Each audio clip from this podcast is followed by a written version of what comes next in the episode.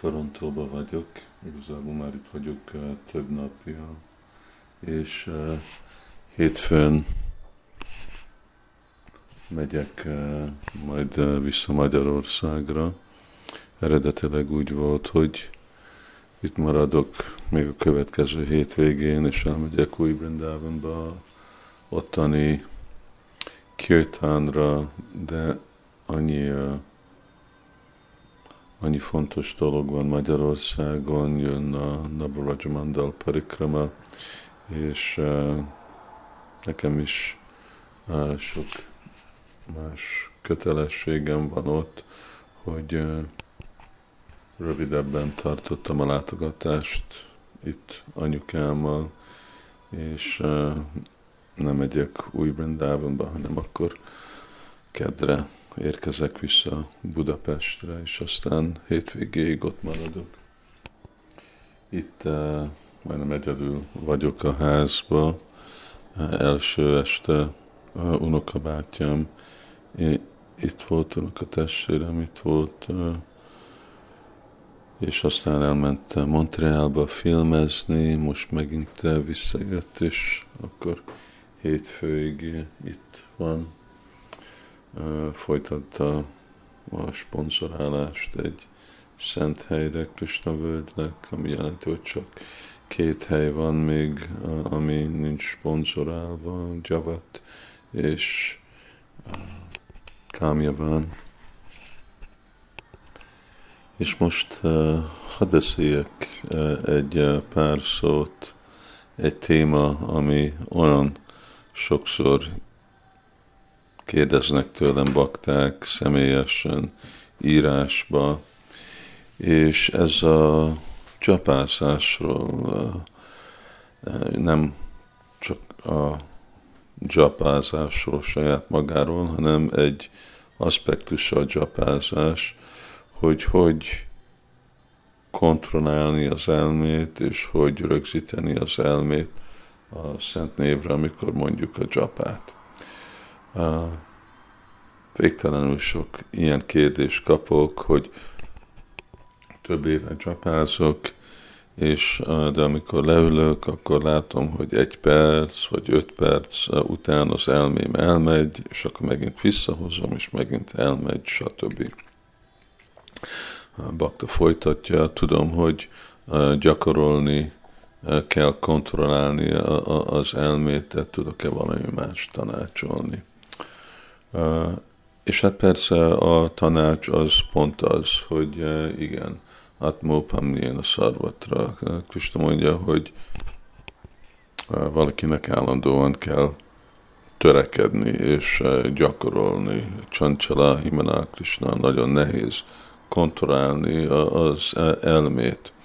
És akkor Japának egyik, ugye az a, a egyik aspektusa, hogy addig, amíg igazából tiszta a szív, addig próbálni kell kontrollálni az elmét. Amikor már az elme, a szív tiszta, akkor már az elme természetesen kontroll alatt van, mert természetesen vonzódik Krishna felé.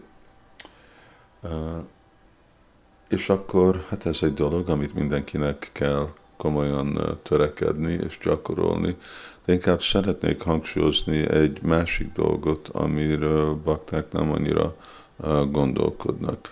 Hogy nem elég csak abba a két órába, vagy két és fél órába, amikor bakták csapásnak, hogy akkor kontrollálni az elmét, és akkor rögzíteni az elmét Krisnára a szent név formájába.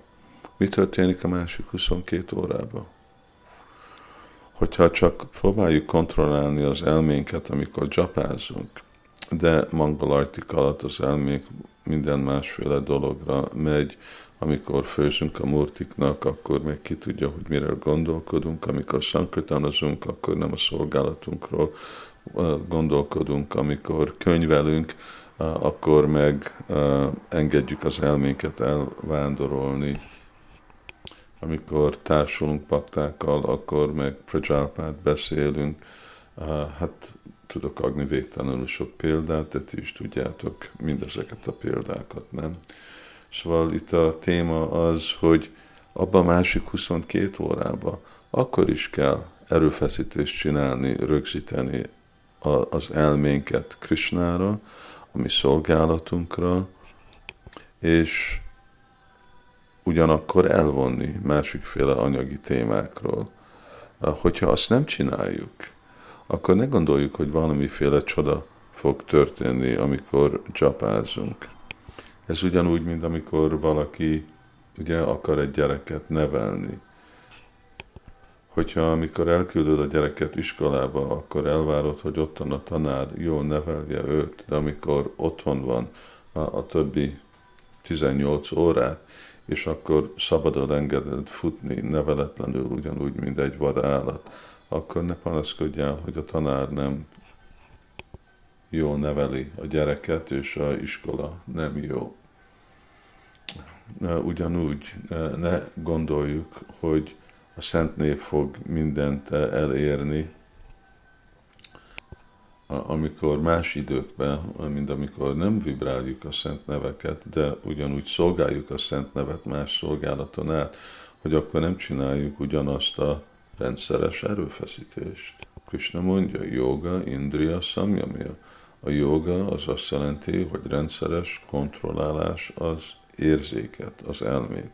És amikor az elméről beszélünk, akkor persze az érzékekről is van szó, ami azt jelenti, hogy amennyire én kontrollálom a nyelvemet, hogy hogy eszek és mit beszélek, az befolyásolja, hogy hogy is fogok mantrázni.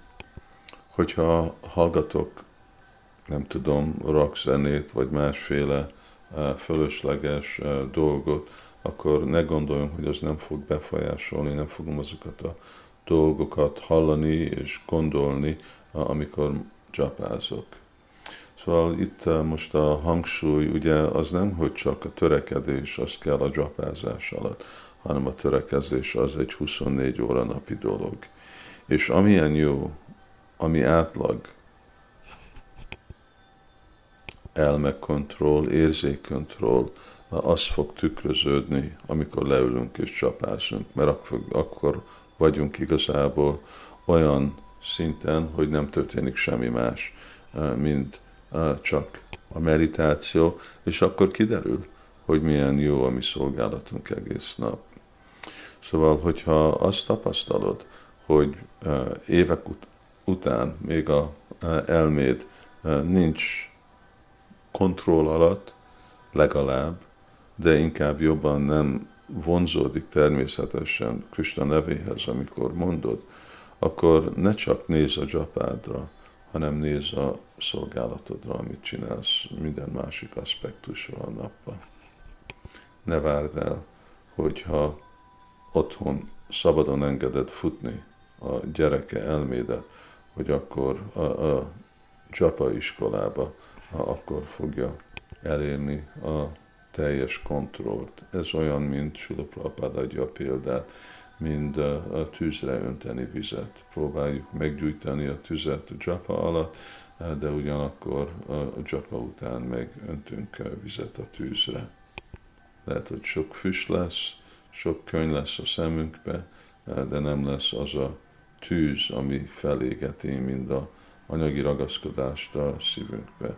És végre, amiről van szó, az az, hogy sértés követünk el a Szent Név ellen, mert ez a tíz sértés, amiről beszélünk, ez nem csak valami, ami követve van, amikor csapázunk, hanem ez érvényes minden aspektusra, az odaadó szolgálatra és minden időpontba a napunkba.